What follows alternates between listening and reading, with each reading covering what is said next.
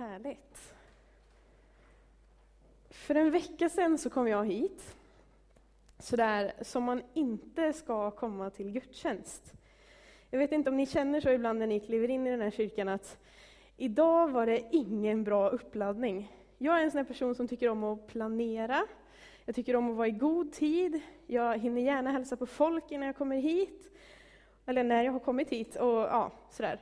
Och jag hade en sån här morgon då min man eh, inte var här eh, samtidigt som jag, utan han var här och skötte datorn, så han var här mycket tidigare. Jag skulle bara, och så skulle jag bara, och så skulle jag bara, och så blev klockan jättemycket.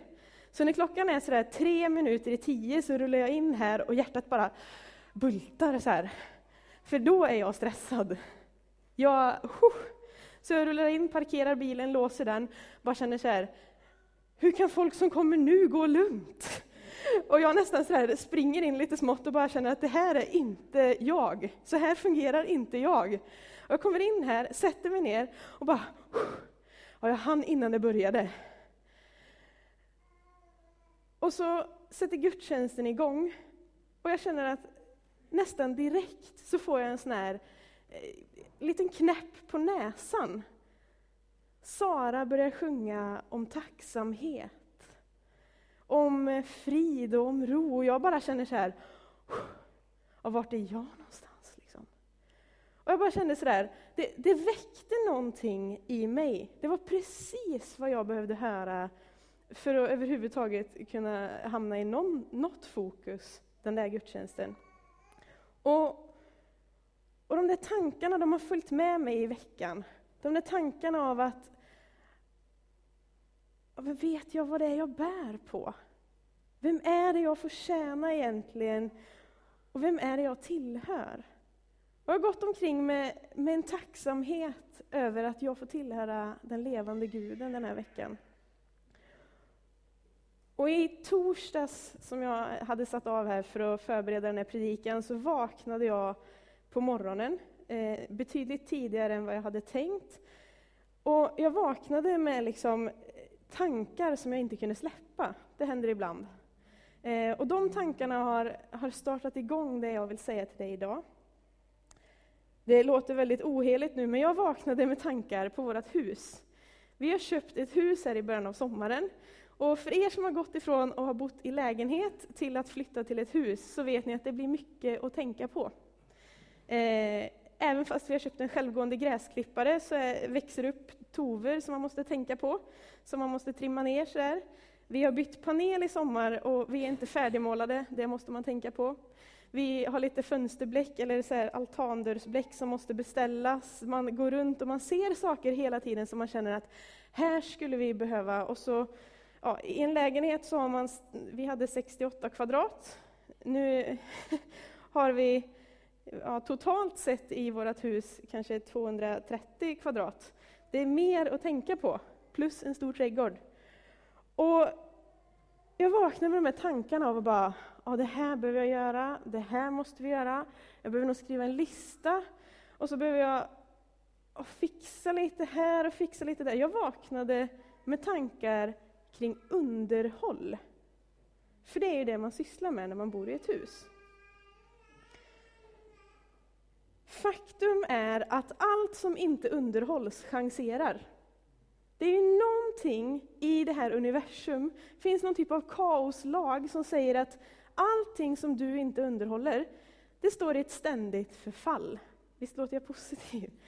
Alltså, du, du kan flytta in i ett hus och gör du ingenting med det huset så kommer det bli dåligt.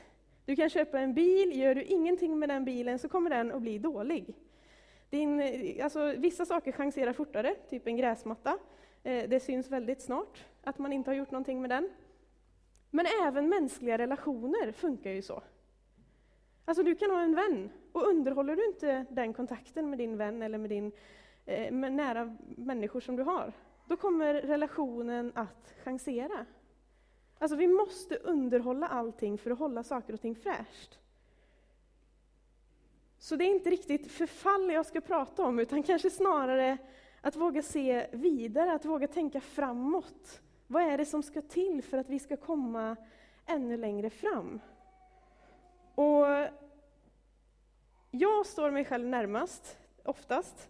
Jag tycker att jag har börjat lära känna mig själv med lite distans och kan skratta åt mig själv lite grann ibland. Och jag vet hur lätt det är att luta sig tillbaka när man tycker att det faktiskt går ganska bra nu. Tänker man så här, men nu är vi i fas, nu kan vi andas idag, och sen så andas man imorgon, och sen andas man dagen efter också, och sen så fick man panik för att man blev inte färdig, men det kändes ändå ganska bra ett tag. Sådär. Och jag tänker att vi är så lite till mans. När man tycker att det går bra, då vill man på något sätt stanna kvar där. Och då slutar man att göra saker. Och helt plötsligt så var det inte lika bra längre. Och jag tror att det gäller även våran tro. Och jag tror att den behöver underhåll också. Jag tror att vi behöver arbeta på vår tro, vår relation till Gud också. Annars så kommer det bli precis på samma sätt som med allting annat. Och det är lite vad jag har tänkt att jag ska prata om idag. Har tre punkter utifrån. Eh, vi ska starta med att ni ska få se ett filmklipp eh, som jag... Jag satt och kollade i Bibeln. Jag hade tänkt att jag skulle använda David som ett exempel från Bibeln här idag, och jag insåg att jag behöver läsa väldigt mycket om jag ska använda honom som exempel. Kom jag på att det finns en fantastisk film som kan starta igång den här gudstjänsten. För er som inte har sett den, så kan vi bara på förhand säga att den inte är 100% verklighetstrogen, men den är tillräckligt och vansinnigt bra, så att jag vill använda den som ett exempel här. Eh, så ni ska få kika på den. Visst är det härligt när man kan se saker på ett nytt sätt? Har du inte hört berättelsen om David och Goliat innan så rekommenderar jag dig att läsa ifrån Första Samuelsboken eh, 17. Där kan man få eh, lite mer eh, exakt vad det var som hände. Men det är inte detaljerna i den här berättelsen som jag vill åt. Det är inte liksom små saker som vi ska diskutera här idag. Det jag tänker när jag ser på, på David, det var att han fick vara med och besegra det största motståndet som Israel stod inför. Det alla darrade inför, det ingen vågade, det fick han vara med och möta. Och han var ju typ en av de mest otippade kandidaterna inför det här. David, han var inte ens en krigare i hären. Israels armé var samlad och hade fått utmaningen, skicka fram en soldat att möta Goliat. David kommer dit lite som av en slump, skulle man kunna tycka. Alltså han vallade får i vanliga fall och hans pappa sa till honom, här, ta med lite ost och gå och kolla så dina bröder som är krigare har det bra.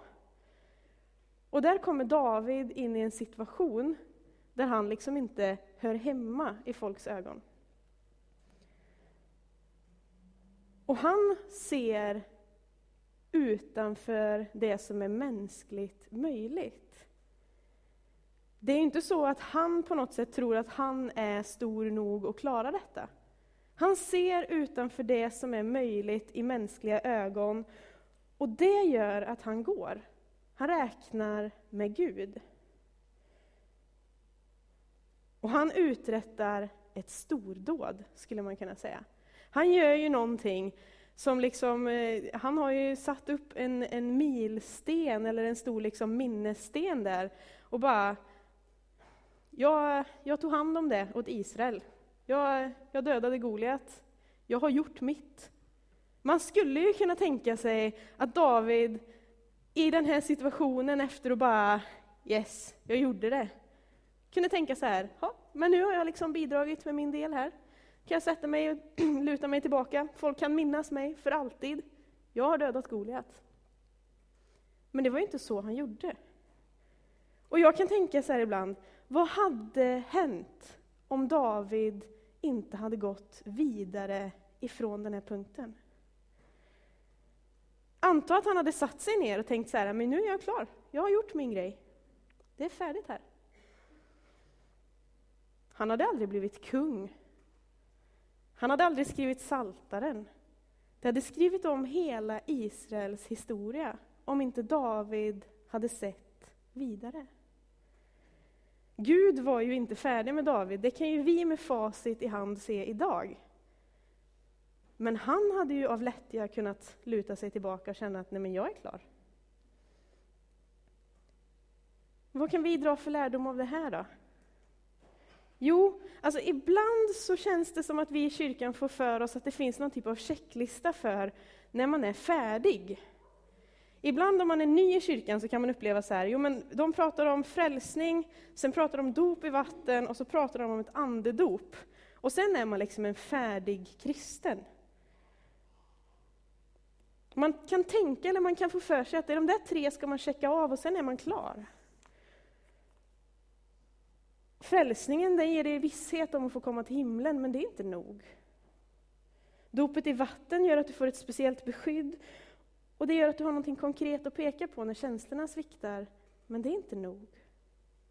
Och dopet i den helige Ande klär dig i kraft ifrån höjden, men inte heller det är nog. Jag säger inte att de här sakerna är oviktiga. Det är otroligt viktigt för din tillväxt som kristen. Men de här tre grejerna gör dig inte färdig. Det är typ grundförutsättningen, eller startpaketet, eller kalla det vad du vill. Ibland så, så kan jag känna att, att vi i kyrkan gör den helige Ande till, till ett diplom eller en söndagskostym. Det är liksom tecknet på att nu har jag liksom kommit långt här. Men den helige Ande är inte tänkt att vara en söndagskostym. Något som man liksom visar upp att det är fint och att det liksom är klart. Den helige Ande är tänkt att vara ditt blåställ, dina arbetskläder, din vardagskostym. Liksom. Han är till för att vara med dig i vardagen och komma vidare. Jag lever i någon typ av spänd förväntan på vad Gud har framöver. Inte bara sådär, ja men ett år, utan jag tänker sådär, hela livet. Undrar vad Gud har egentligen. Jag tycker det är spännande att lägga mitt liv i Guds händer och se vad han gör utav det som jag är. Det jag ser att Gud använder mig till idag är långt mer än vad jag någonsin hade kunnat föreställa mig för tio år sedan. Jag kan se att jag kanske har aktivt sökt och levt med Gud i 15 år sådär medvetet. Och han har gjort redan mer än vad jag hade kunnat tro var möjligt överhuvudtaget. Och jag har ju någon typ av föreställning om att jag i alla fall minst har tänkt att leva tills jag är 85. Så han har ju minst fyra gånger så mycket tid på sig att fortsätta att göra saker. då tänker jag så här, undra vad som kan hända. Alltså undra vad det är han har tänkt egentligen. Alltså vilket äventyr man kan få leva med Gud om man lägger sitt liv i hans händer. Och då tänker jag, vi, vi måste försöka lära oss av David, att vi inte blir så nöjda att vi tänker att nej men nu, det är ju, jag kan ju predika nu, så nu är jag liksom, nu har jag nog lärt mig det jag behöver kunna. Jag tror att det alltid finns någonting mer. Och jag vill inte att det ska vara någonting som känns jobbigt, utan jag vill att det ska väcka hopp för vad Gud kan använda dig till. Jag vill att det ska vara någonting som känns så här, lite spännande och pirrigt och, och, och gott på insidan. Att det finns ett hopp för dig. Jag tänker lite att det är som att måla med oljefärg. Det har jag gjort ibland. Då kan man ha en stor träpalett så här. Och i början, när man börjar lära känna Gud, så kanske man får en eller två färgklickar och de målar man med bäst man kan. Men ju mer man lär känna Gud, ju fler färgklickar, ju fler nyanser, ju mer kan man se och upptäcka. Lite så tänker jag att det är. Och jag har två bibelord som jag gärna lutar mig emot i det här. Det första är från Uppenbarelseboken 22.13, där Gud säger Jag är A och O, den första och den siste, begynnelsen och änden. Och i Matteus 4.19 så säger Jesus, följ mig så ska jag göra er till människofiskare. De här två bibelorden ger hopp in i mitt liv. De säger till mig att Gud är inte färdig med mig och det handlar inte om min kraft. Det är Gud som ska göra mig till den han har tänkt att jag ska vara. Guds kraft tar aldrig slut, även fast jag kan känna mig dränerad ibland. Och det kanske är så att man ibland måste byta riktning eller ändra hur man är verksam för Gud, eller vad man tjänar i. Men en sak är säker, det är att man blir aldrig färdig. Alltså det är inte så att man hamnar på någon typ av prydnadshylla i den kristna kyrkan för att de gråa håren börjar komma. Gud säger att han är A och O, alfa och omega, början och slutet. Och jag har fått för mig att det tar slut när vi får liksom hamna på kyrkogården och, och komma till himlen. Då är det slut. Och innan dess så är inte Gud färdig med dig. Ibland så får vi någon, någon, typ av känsla av att nej men nu är jag klar. Gud säger någonting annat. Glöm inte det. Men sen tror inte jag att det bara är du och jag som personer som ska gå vidare i våran tjänst. Jag tror att vi som församling måste lära oss att komma vidare. Vad är församlingen egentligen? Eller kanske snarare, vems är församlingen? Jo, den är Guds. Jag känner så mycket för den här församlingen och för församlingen överlag, att jag gärna säger min församling när jag pratar om den. Jag har absolut inga problem med att sätta min framför församlingen. Jag är så stolt över den, jag älskar den så mycket. Den är så viktig för mig att jag gärna säger min. Men faktum är att församlingen är Guds. Det är nåd att jag får vara med. Det är inte, och det kommer aldrig vara jag som är chefen för vad som händer här. Jag kan få vara med och tycka, jag kan få vara med och påverka, jag kan få vara med och leda, men församlingen är Guds och jag är en pusselbit i ett större sammanhang. Pusslet som målar bilden av vem Gud är. Ni vet, när man tittar på en ensam pusselbit så kan man fundera på ibland så här, vad ska det här bli för någonting? Eller så kan man sitta med två pusselbitar så tänker man så här, det här måste vara två olika pussel. De är ju helt olika, ser helt olika ut, har helt olika liksom, form och färg. Och liksom, det, det måste vara någon som har blandat ihop två bilder här. Och sen börjar man lägga pusslet.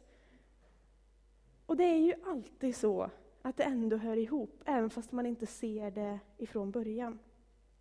Alltså vilka tveksamheter man än går in med, så är det så att när den större bilden börjar synas så inser man att ja, men det var ju så här det var tänkt. Det var ju så här det skulle se ut. Och det tycker jag är läckerheten med församlingen. Vi är så otroligt olika, vi tycker så fantastiskt olika och ändå får vi vara med och måla samma stora bild. Och en sak är säker, det är att oavsett hur du känner för tillfället så ska vi gå vidare. Vi behöver gå vidare när det känns bra. David som tog segern över Goliat, som hade kunnat vara nöjd där. När allting går bra, man känner att man trivs med läget. I församlingen så kan man känna att människor kommer ju hit och de trivs och, och vi har det gott. Och det, är en god, liksom, det är en god känsla och atmosfär och det, vi har gott mod och det känns bra. Och, och man skulle nästan vilja konservera den känslan. Liksom.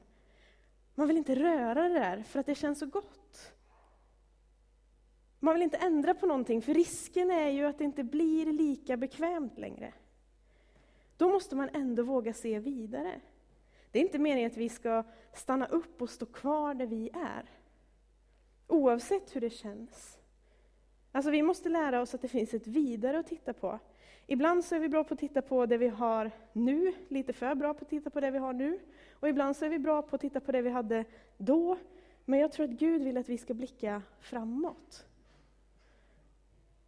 Och det gäller även när det känns mindre bra. Det tog inte lång tid innan tonen i skällan ändrade sig när det gällde David. Om ni kan berättelsen så vet ni att människorna hyllade David otroligt mycket och kungen blev svartsjuk så tillvida att han tänkte döda David. Det följde en tid av förföljelse precis efter den stora segern. Och där så tänker man att David hade ju kunnat ge upp. Han hade ju redan liksom uträttat någonting. Han hade ju kunnat säga att Nej, men det här blev lite för jobbigt, det var inte riktigt vad jag hade räknat med, så nu puttar vi det åt sidan och så, och så ja, kan jag liksom vara en, en prick i historien där. Det är ändå en ganska stor prick. Men det var inte så han gjorde. Han valde att se framåt. Han valde att se vidare, han valde att se någonting längre fram. Och så är det med oss också. Vi möter stunder då allt inte känns lika bra längre. Vi är otroligt många människor på samma plats och en del har kommit hit idag och kanske känner att nej men det känns inte så gott. Det, allting är inte på plats, lite som Anders sa, att det är lite storm. Och en del kanske kommer hit och tycker att det faktiskt känns bra. Men oavsett vem du är av de här personerna så är det, är det så att Gud vill att du blickar framåt. Vi behöver lära oss att se på församlingen utan att blanda in våra personliga uppfattningar hela tiden.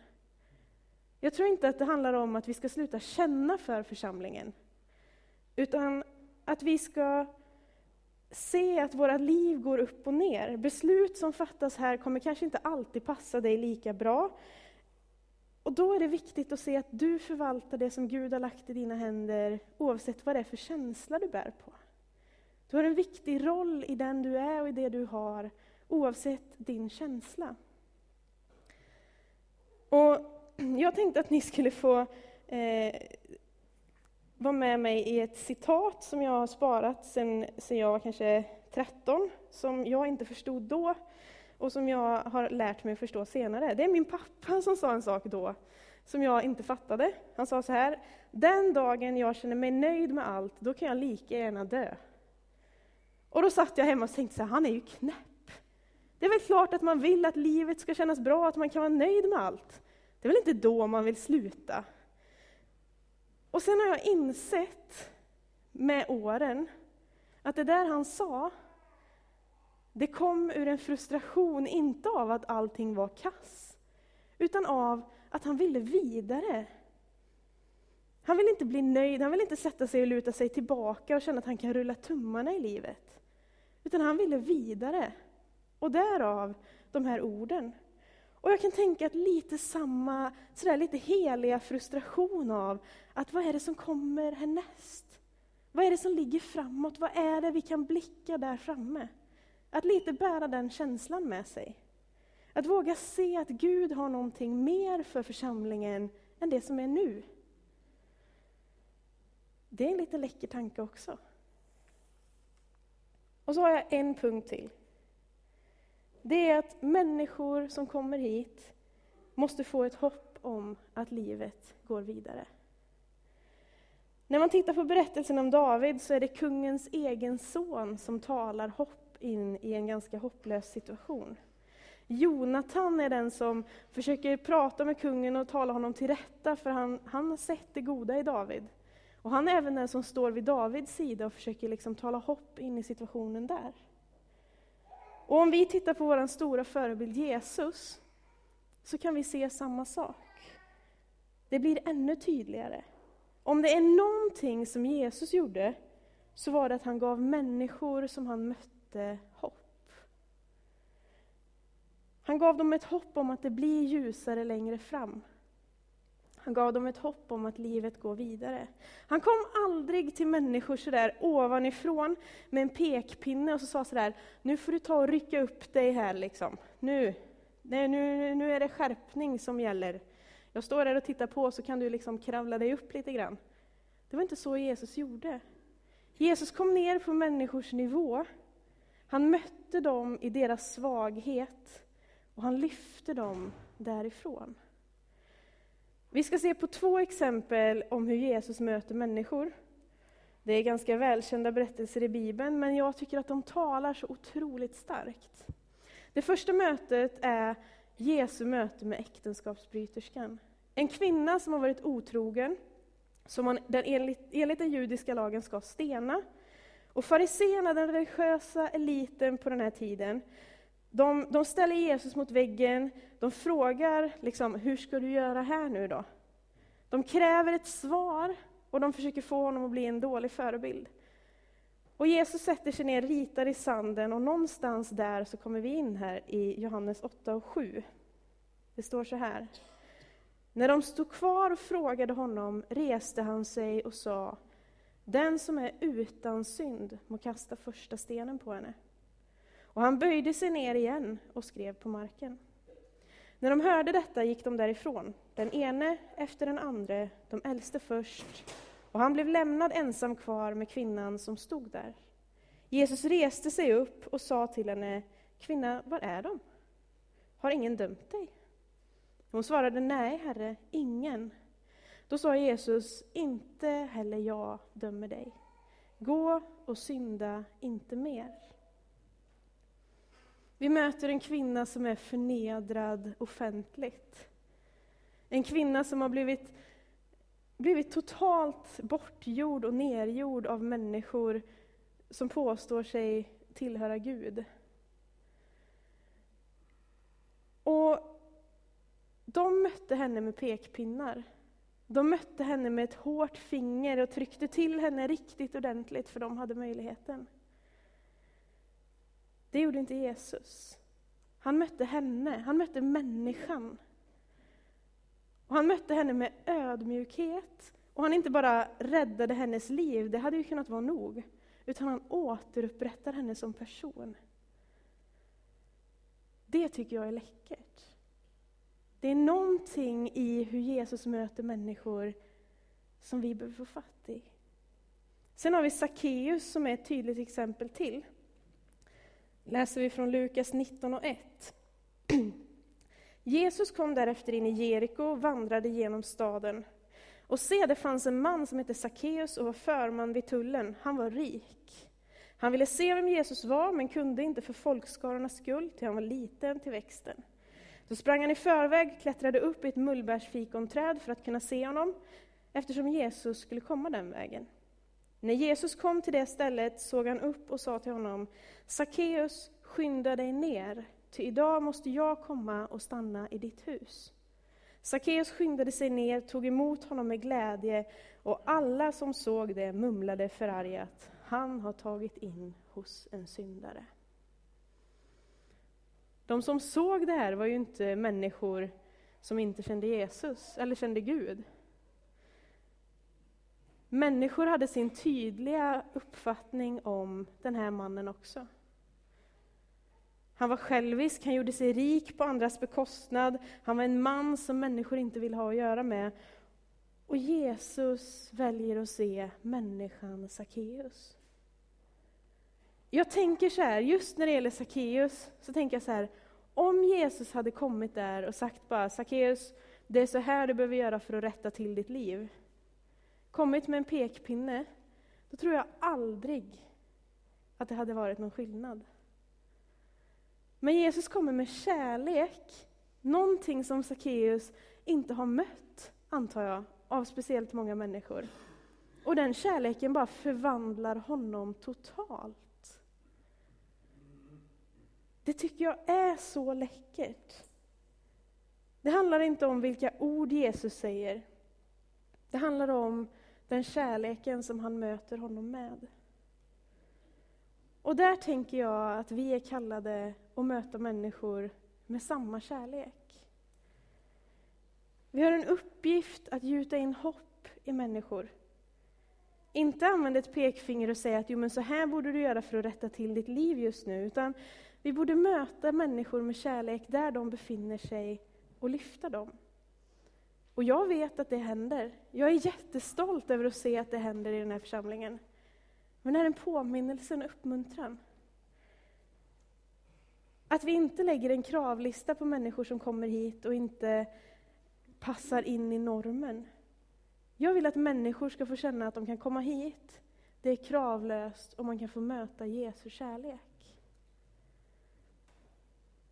Jag önskar att människor som kommer hit ska få känna hopp hopp om framtiden, hopp om livet, hopp om en evighet och hopp om att en till synes värdelös situation kan förändras på grund av Jesus.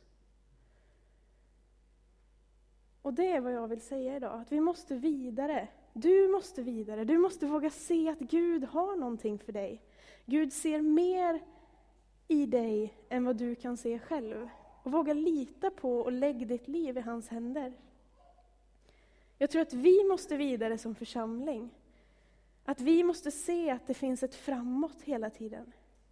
Och jag tror att vi har en uppgift att hjälpa människor att komma vidare. Att möta Jesus och få se att livet har ett hopp. Det är vad jag vill lämna med er idag. Vi ber. Jesus, tack för att du är hoppets Gud. Tack för att du har gjort allt för oss. Du har betalt priset för våran synd. Du gav ditt liv för oss och du har gett oss en möjlighet att få möta Fadern. Herre, jag bara ber dig att du ska visa oss, hjälpa oss att lyfta blicken, att se framåt, att se vidare, att se förbi det som är våra hinder och att, att se vidare ifrån det som är våra goda känslor och som gör att vi skulle kunna stanna upp. Herre, hjälp oss att komma vidare med dig. Hjälp oss att inte bli nöjda med vad vi har. Hjälp oss att, att vara tacksamma över det vi har, men att vi, att vi vill ha mer. Så att du kan få göra mer i den här bygden, Herre. Hjälp oss att inte bli nöjda med där vi står, utan hjälp oss att se att det finns människor som inte känner dig, som är drivkraften i varför vi måste vidare. Herre, kom och välsigna den här stunden. I Jesu namn. Amen.